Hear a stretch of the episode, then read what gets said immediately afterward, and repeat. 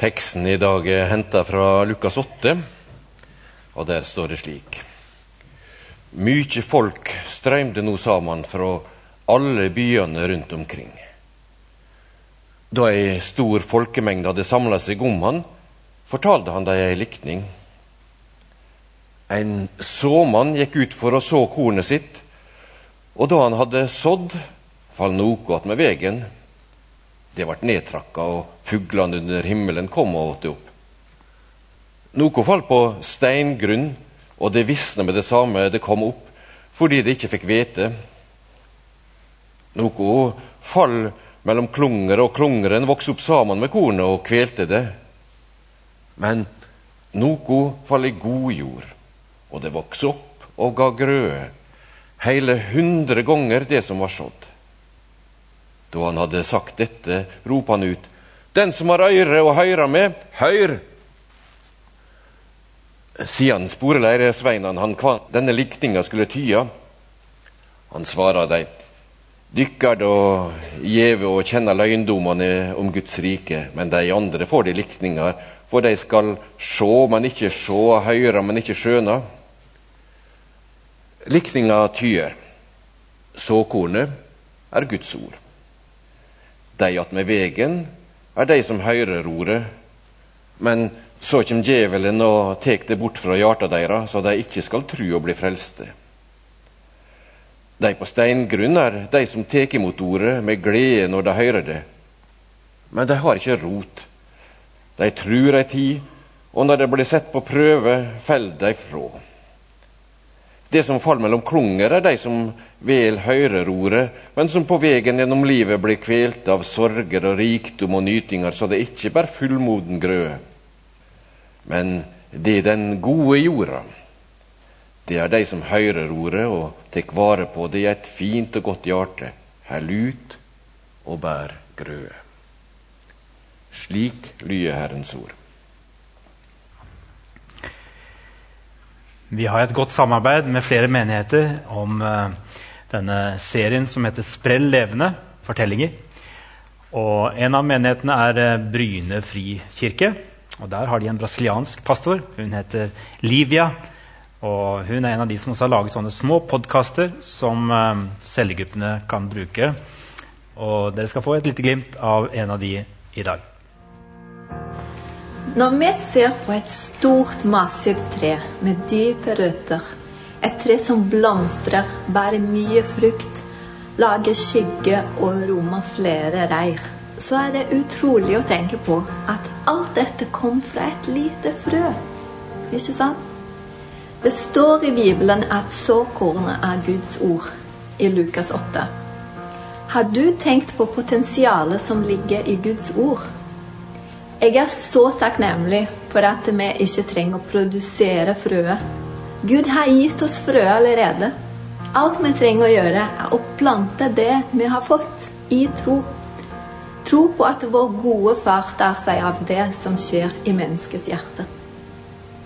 Noen ganger inviterer han oss til å delta mer i prosessen. Andre ganger må vi bare stole på at han vil sende andre mennesker til å være med videre. Uten frø er det ingen tre. På samme måte som at uten Guds ord, evangeliet, er det ingen kristne.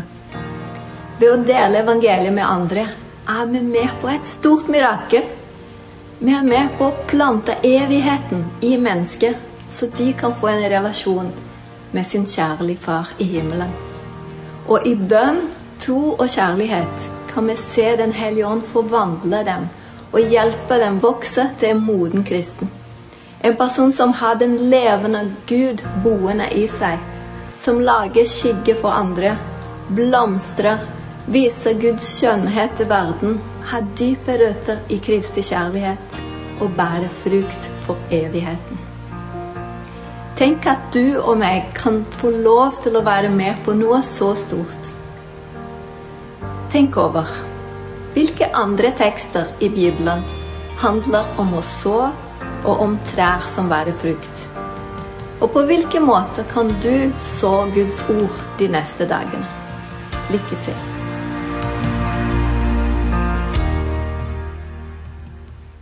Det første jeg tenker på med denne lignelsen om såmannen, det er ordet raushet. Det er faktisk en av verdiene til bymenigheten. Raus, en av tre verdier. Fordi at eh, Jesus han eh, Vi antar liksom at såmannen er et bilde på Jesus, og så er også vi som kirke på oppdrag for Jesus. Og jeg ser for meg denne såmannen som på en måte har alle disse små, bitte små såkornene. Han har ganske mye, men han bryr seg ingenting om hvor han kaster disse såkornene. Han bare sprer de, sånn som Jesus beskriver det, på steingrunn, langs veien og noen i god jord. Og Den rausheten den syns jeg vi skal merke oss helt i starten. Fordi det sier noe som kanskje ikke alltid blir sagt når man skal tenke veldig effektivt om misjon. Jeg lærte f.eks. på teologistudiet i et fag som heter kirkevekst, så leste vi en bok av en som heter Donald McGavran. Og, og Han hadde da en god del prinsipper for hvordan man skulle drive effektiv menighetsplanting. og En av dem var et slagord som var sånn Winning the winnable while there are winnable. Og Det betydde det gjelder å finne en målgruppe og så gjelder det å satse på dem. For de må nås mens de kan nås, og så må man på en måte la en del av disse her andre gruppene, spesielt de som er fryktelig vanskelig å nå, f.eks. var han lite opptatt av at en skulle gå inn i lukkede muslimske land, fordi at de er ikke egentlig mottagelige. Så vi får bruke kreftene våre der hvor det, vi ser at budskapet tas imot, og der det blir vekst. Han er altså veldig opptatt av å se resultater av misjon og gå etter der hvor vi så resultater det er en tankegang som heldigvis misjonstenkninga har gått litt vekk ifra. Selv om det fortsatt styrer veldig mange av prioriteringene våre. fordi det er ikke helt i tråd med Jesus' sin måte å tenke raust om Guds rike. er for alle. Vi sår raust ut, og så har vi ikke alltid en sånn voldsom plan og tanke med hvem det er som kommer til å ta imot. For dette er gitt gratis, og dette er for alle. Og vi inkluderer alle i å kunne høre dette ordet. Sånn tenker Jesus. Sånn skulle vi tenke. Vi skal ikke ha en sånn kalkulasjon i hodet om at hvem er det egentlig som er mer eller mindre tilbøyelig til å ta imot dette her. Sånn leser jeg Jesus i starten av den lignelsen. Men så er det jo ikke bare det. For selve lignelsen står i en sammenheng som på en måte også forteller om noe mer. Dere har hørt lest at uh, de som sto der og tok imot lignelsen til Jesus, de kan ha vært mange. Kanskje, et, uh, kanskje flere tusen til tider. Og så er det likevel sånn at uh, det er tolv som får lov til å være med Jesus etterpå. Det var ikke sånn at disse lignelsene var sånn Jo, de kan være kjekke å fortelle til barna og kjekke å fortelle til, til, hvem som helst, men det er ikke sånn at de uten videre lar seg forstå. Og Legg merke til at det er disiplene etterpå som får mulighet til å snakke med Jesus, og som har dette, denne tørsten etter å forstå. Men hva er det egentlig du snakker om, Jesus? Det var jo interessant, men vi forsto det ikke helt. Og så svarer han dem, og så forklarer han lignelsen for dem. Og Det krever tid, og det krever nærhet til Jesus, og det krever tilstedeværelse sammen med Jesus. Sånn sett så er det et både-og. Jesus er veldig raus og gir alle del i sitt uh, budskap. Men så er det noen som viser en ekstra interesse, og som har trukket seg nærmere han, og de får faktisk en spesiell oppmerksomhet. Er det ekskluderende? På en måte men det er fordi Jesus vet at ved å bruke mer tid på dem, så kommer det også ut til andre etterpå. Så det er en dobbelthet. Han er litt sånn raus. Alle skal få. Og så tar han noen som er spesielt interessert, med videre. Og i det kan noen av oss kanskje kjenne er jeg blant de som Jesus tar med seg videre, og som Jesus bruker ekstra oppmerksomhet på. Jeg tror ikke det nødvendigvis handler så veldig mye om Jesus. Det handler mest om deg og meg. Har du lyst til å være en av de disiplene som går så tett inntil Jesus og hans ord som mulig, og lever i det over tid, sånn at du kan forstå. Sånn at ordet kan åpne seg. Denne uka så fikk jeg lov til å være med på noe egentlig veldig enkelt. Det var fryktelig lite komplisert for meg, men det var, dere husker for noen uker siden så var det en gjeng fra dette som heter Young Life her på scenen. og de har starta opp her på Gandal nå. Det er utgangspunkt i de eksisterende ungdomsklubbene, men de har en veldig drøm om å nå enda litt lenger på tvers av det som fins av arbeid, også i Sandnes, ut til de som er på ungdomsskolen, og som ikke hører til disse typiske miljøene og er i kristne familier. Og så er det da noen staute ungdommer som Noen av de som har vokst opp hos oss og vært her hele tiden, og andre som kanskje har kommet med litt etter hvert, som utgjør et styre i dette Young Life. Og de ringte for en stund siden og spurte om de kunne få komme og ha styremøtet sitt hjemme hos oss. Og sånn gjør de, så De er litt sånn forskjellige steder og har styremøtene sine. Og det synes jeg var hyggelig, så De kom hjem til oss, de tok til og med med seg sin egen mat. Men de syntes det var fint om jeg kunne ha en liten åpning og ta imot dem. Så satt vi med disse fem-seks, og de er jo da i 18 pluss-alderen. Dette er jo gutter for tiden, og de ledes av Arne. I den gruppa så har vi også sånne som Ole, som dere kjenner fra menigheten her. Elling, som har bakgrunn fra Ebenezer og, og Gate. Det som jeg gjorde var, i starten, var å lese denne fortellingen opp, lese teksten altså si noen få tanker om den. Så etterpå så tenkte jeg at de representerer nok litt disse disiplene. Som hadde denne ekstra tørsten. De satt der og noterte seg. og så, jo, 'Hvor var det det sto dette her?' For De måtte hjem og lese den teksten en gang til. Ja, Lukas 8, ja. ja noterte seg det. Og så fortalte de at de hadde vært på en ledersamling på Østlandet sammen med andre Young Life-ledere nettopp. Og så snakket de seg imellom om hva taleren hadde snakket om. Og den taleren hadde da snakket om trær. Så sier Ole jeg, jeg tror ikke jeg har fått med meg en hel tale på den måten før. Ja, det, det, var, det var, gøy.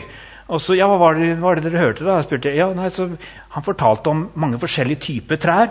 Og at trær kan både være sånne som vokser raskt og plutselig opp, og andre som bruker lang tid og som har en helt sånn spesiell tilblivelse. Med rette omstendighetene så kan det vokse, og det vokser kanskje veldig veldig sakte.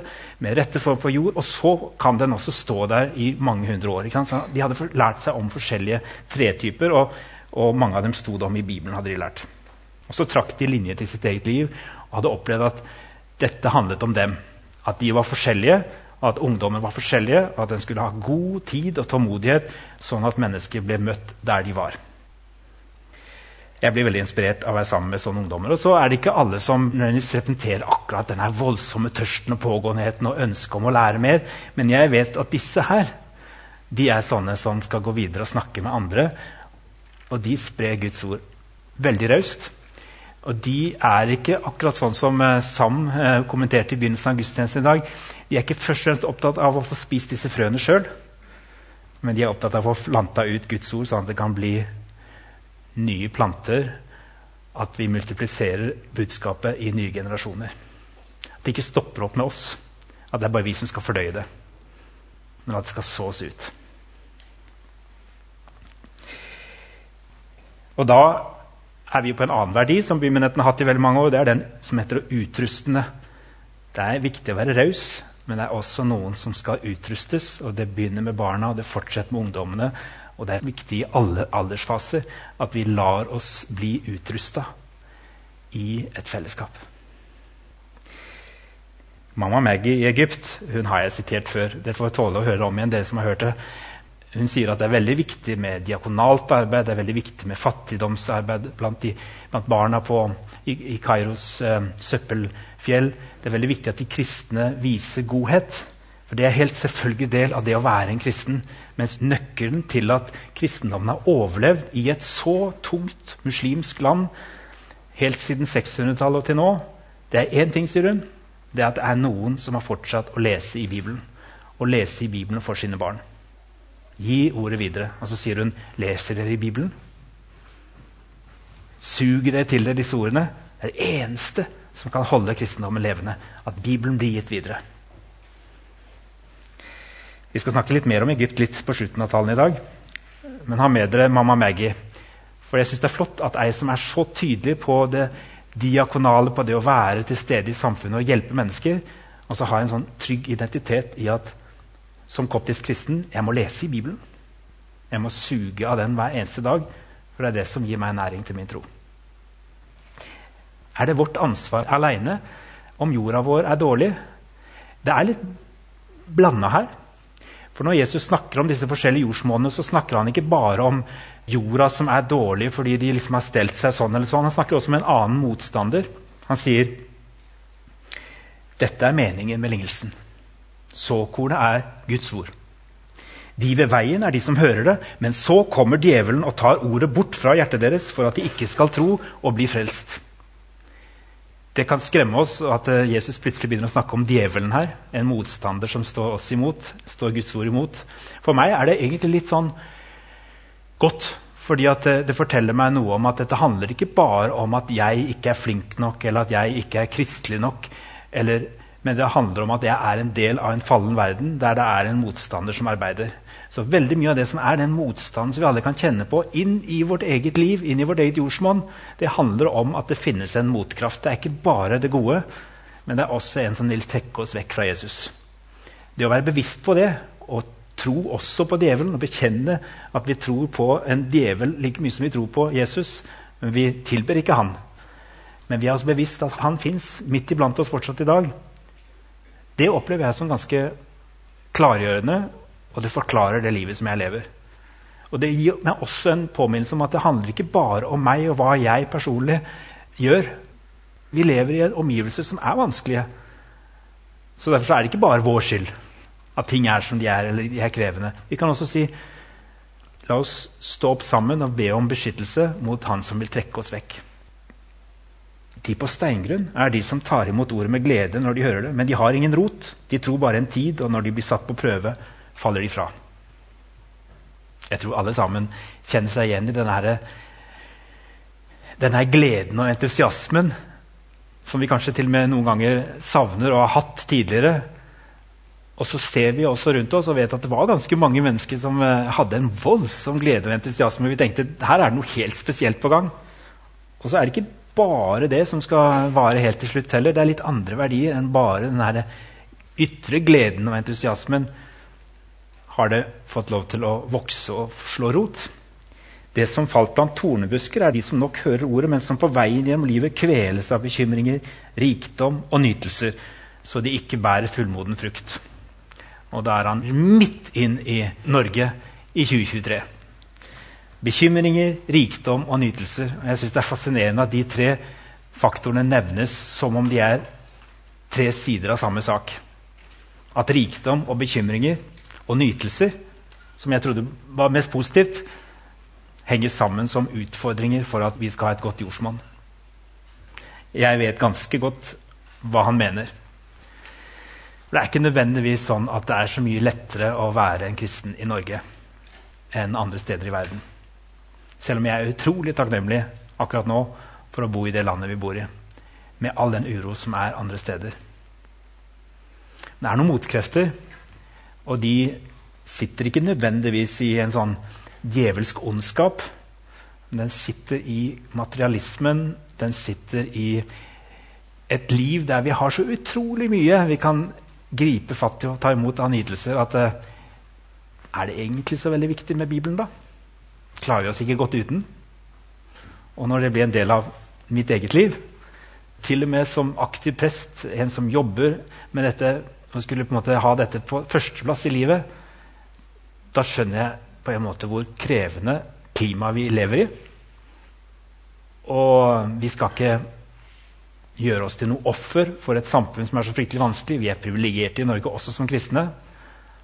Men jeg kjenner meg igjen i at bekymringer, rikdom og nytelser det kan være hindringer på veien til fullmoden frukt. Men det i den gode jorden, det er de som hører ordet og tar vare på det i et fint og godt hjerte, så de er utholdende og bærer frukt å vente og være tålmodig. Og ikke haste for raskt med å ønske å se resultater. Stå i det, la det virke. Dette er verdier som er urgamle verdier i forhold til vekst og dyrking av jord, og Jesus bruker det inn i vårt menneskeliv. Hvordan står det til med disse verdiene i, eh, i vår menighet, i våre familier?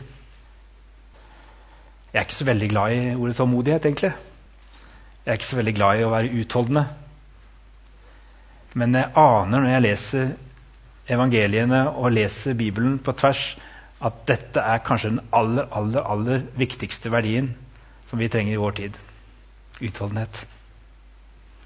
Ikke kreve for mye her og nå, men våge å vente og se at bitte, bitte små frø skal få lov til å vokse, selv om det virker helt utopisk og helt umulig.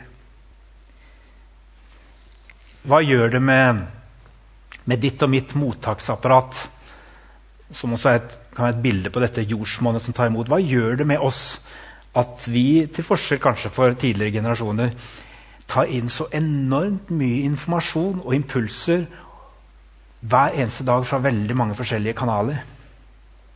Det er noe som jeg reflekterer over, og som det også irriterer meg litt at jeg kanskje i så liten grad på en måte klarer å gjøre noe med. Jeg står midt oppi det med begge beina.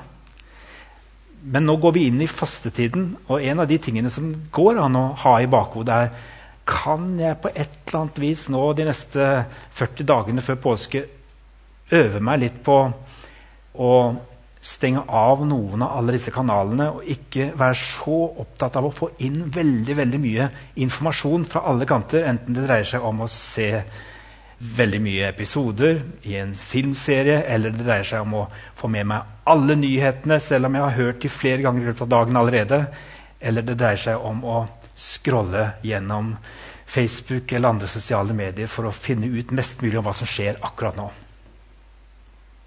For det aner meg at der er vi et helt annet sted enn tidligere generasjoner, og vi gir oss sjøl ekstra store utfordringer med å få dybde. For det er nemlig sånn, Noen har sagt det slik at uh, mengde forandrer ikke så mye i våre liv. Mengde forandrer ikke mye i våre liv. Dybde kan forandre enormt mye. Det er litt bekymringsfullt, for mengde av informasjon og impulser, også av kristelig informasjon, også av andakter, også av kanaler, også av bøker også, Vi har veldig god tilgang, alle sammen. Men akkurat som bare jo mer tilgang vi har på impuls og informasjon, jo mindre fokus og dybde blir det. Jeg lurer på om eh, det er noe jeg skal ta med meg inn i fastetida. Ja, Jesus er raus. Han deler ut til alle. Men det er ikke antallet frø som egentlig betyr noe, men om hvert av de frøene faktisk får lov til å bli til en plante og får lov til å, å vokse opp. Og det betyr at Selv om han er så raus som han bare kan være med Guds ord, så er det kanskje litt også et ansvar for oss om uh, vi i hvert fall sørger for at ett eller to av disse frøene faktisk blir til noe mer. Og ikke bare går inn i informasjonsflommen som interessant. Ja, det bibelverset det, jeg ikke hørt før. Jeg hadde ikke hørt den teksten på den måten. Ja, ok, fint. Jeg springer videre. Ja, Interessant. Ja, det var Jeg noterer meg det bak øret. Og så kommer det bare på toppen av harddisken, og så forsvinner det dagen etterpå. Vi har egentlig ikke satt oss ned og bare sagt Hva er det egentlig dette betyr, Jesus? Jeg forstår egentlig ikke den lignelsen. jeg. Det er noen som har sagt at uh, vi må slutte å som jeg også sier av og til, at les gjerne hele Bibelen på ett år. Jeg har anbefalt det. Men uh, det er ikke sikkert det er det du skal gjøre nå i fastetiden. Lese tre kapitler hver dag. Kanskje du skal lese ett bibelvers og det samme bibelverset i sju-åtte dager. Ta det opp igjen på nytt, lese det på nytt en gang til og se ser jeg noe annet i dette bibelverset i dag enn jeg gjorde i går. Kanskje spe på med ett lite vers til. Men hvorfor det? Fordi at det handler om å gi Guds ord mulighet til å faktisk slå rot. Og ikke bare ligge på overflaten og bli skylt vekk ved første neste informasjonsflom. Dette gjorde de gamle. Det er det vi som kristne mener når vi snakker om å grunne over Guds ord.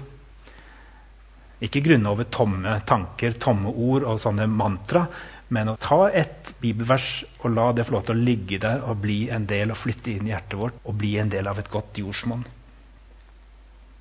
Det tenker jeg kan være fastetidens mulighetsrom. Fordi det er liksom en tid i året som vi kanskje bør ha hele veien, men nå kan det være en sånn liten ok, nå nå skal jeg faktisk skru av noen sånne kanaler for å kanskje bruke litt mer tid på dybde. Ikke nødvendigvis veldig mye tidsbruk, for da er det kvantitet igjen. Men når jeg gjør det, så har jeg lyst til å være litt fokusert. Dere vet at eh, det går jo an å lese og bruke naturen som et bilde på, på dette. Jesus gjør det hele tiden, og det går an å se for seg moderne jordbruk og hente impulser derfra. Hva er forskjellen på økologisk landbruk og konvensjonelt landbruk? Jeg er ikke ekspert på dette, her, men i det konvensjonelle landbruket så har det handla om at en tilfører jorda kunstgjødsel, sånn at en får mest mulig opp Og for mest mulig gjerne én eller to eller tre planter som viser seg ganske effektive og får raskt opp, og som kan spises og fordøys. Mens i økologisk landbruk så tilfører man ikke sånn kunstgjødsel, men man lar det naturlige, biologiske som allerede ligger i jordsmonnet, ta jobben selv. Ikke tilføre for mye, ha tålmodighet og tåle også at eh, det vokser opp et mangfold av arter.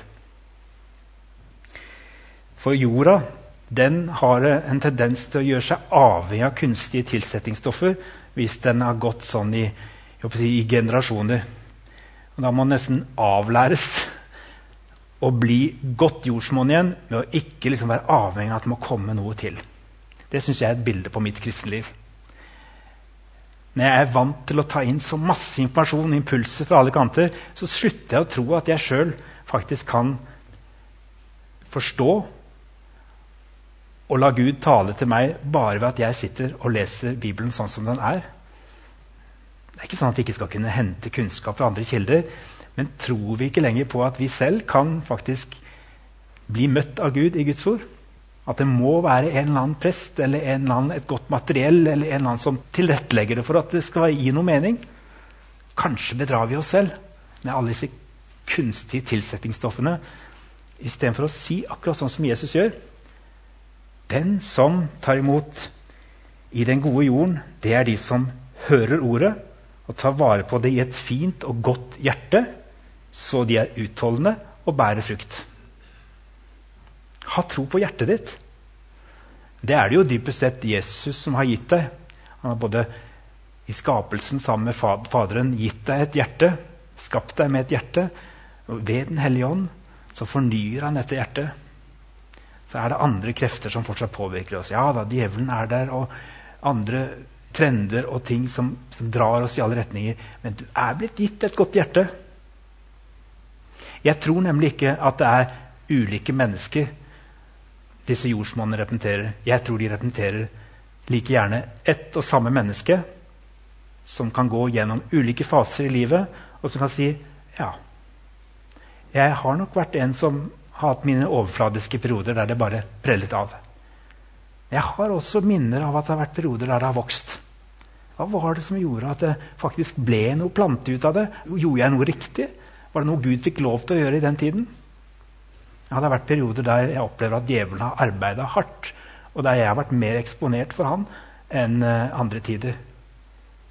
Hva var det som skjedde? Var det noe tilfeldighet som gjorde at jeg kanskje ikke kjenner på samme måten trykket fra han nå som jeg gjorde den tiden? Eller er det bare det at jeg, jeg er blitt så vant til at han er der og preger meg hele tiden? Går det an å stille sånne spørsmål uten å bli lammet av frykt og motløshet? Men litt nysgjerrighet. Gud, hva vil du med meg nå? I denne fastetiden? oppfordrer deg til å ikke bli lammet av motløshet, som jeg sier, men snakk åpent med Jesus om hverdagen din. Snakk gjerne også med noen andre som du har tillit til. Og bli ikke overveldet, men bruk fasten til å be Gud om å skape en dypere lengsel i deg til å selv få lyst til å sette noen grenser for ditt indre liv. Det er en fin bønn. At det ikke skal handle om at jeg skal begynne å gjøre noe, men be Gud gi meg lyst til selv å sette de grensene, sånn at det skal også skje av nåde ved hjelp av din kraft. Gi meg mer lyst til å strekke meg mot det som jeg vet at jeg har godt av og som jeg vet at jeg trenger. Hjelp meg til å beskyttes for alle bombardementene fra alle kanter, sånn at du kan få lov til å komme til. Til slutt Jeg sa at jeg skulle si bitte litt om Egypt til slutt. For Det er et land som vi støtter gjennom flere organisasjoner. Og en av de organisasjonene som NMS støtter i Egypt, er Bibelselskapet. Og Bibelselskapet i Egypt de jobber jevnt og trutt på tvers av både den koptiske kirke og de evangelske kirkene med å tilrettelegge og produsere bibler og gjøre dem tilgjengelige. I et folk som fortsatt lever under et veldig sterkt islamsk trykk. Støtten vår den går bl.a. til drift av to butikker i Kairos sentrum. Og Bibelbutikker i Kairo er ikke bare bibelbutikker, men de blir et senter for å gjøre evangeliet tilgjengelig for folk. Det er en historie om en mann som kom inn i en av de butikkene en dag. Han kjente ikke til kristendommen fra før, men fikk se et vakkert hefte med bergpreika med tittelen 'Ord som en endret verden'. Han kjøpte det, tok det med hjem for å lese det. En uke seinere kom han tilbake og kjøpte 100 eksemplarer for å gi til naboer og venner. Så lite som kan få så stor betydning. Nå driver presidenten i Egypt, Sisi, og planlegger en helt ny hovedstad 40-50 km fra dagens hovedstad. Dette har skjedd før i Egypts historie at man har flyttet eller utviklet Kairo som hovedstad. På 600-tallet var det den gamle delen som ble bygd opp. Da var muslimene der allerede, men da var det mange koptiske kirker som fikk lov til å prege den første bydelen. og Derfor kalles det fortsatt i dag for den koptiske byen, eller bydelen. Og Så vokste det opp en mye mer muslimsk preget bydel der bl.a. denne kjente moskeen, Al-Assar-moskeen ligger. og Det kalles for det islamske Kairo. Der er det nesten ikke kirker, og der preges det mest av moskeer. Denne nye bydelen sier Sissi, som for øvrig er en ganske autoritær og, og ganske krevende president på mange måter, han sier likevel at han ønsker å ha både muslimske og kristne kirker der. så Derfor har han tillatt at det bygges en koptisk kirke, en stor fødselskirke, kalles den, i denne nye bydelen som er i ferd med å reise seg. nye hovedstaden. Og Så blir det spennende å se framover om det er rom for Bibelen i den nye bydelen. Om det reelt sett vil være sånn at det blir lov til å forkynne Guds ord. Men det er altså en i det sentrale kvarteret i denne nye bydelen som har sagt jeg ønsker gjerne å få en bibelbutikk midt i mitt kjøpesenter. Så han har tilbudt det til Bibelselskapet. Så i, denne, i den beste handlegata i dette nye bydelskomplekset så kommer det en, så forhåpentligvis en butikk, en bibelbutikk for Bibelselskapet i Egypt. Det syns jeg er en god nyhet. Det kan høres veldig lite ut, men det er et lite tegn på at Bibelen fortsatt blir gjort tilgjengelig i dette landet. At vi kan tro at det fortsatt gis videre fra generasjon til generasjon, og at nye mennesker kommer til tro.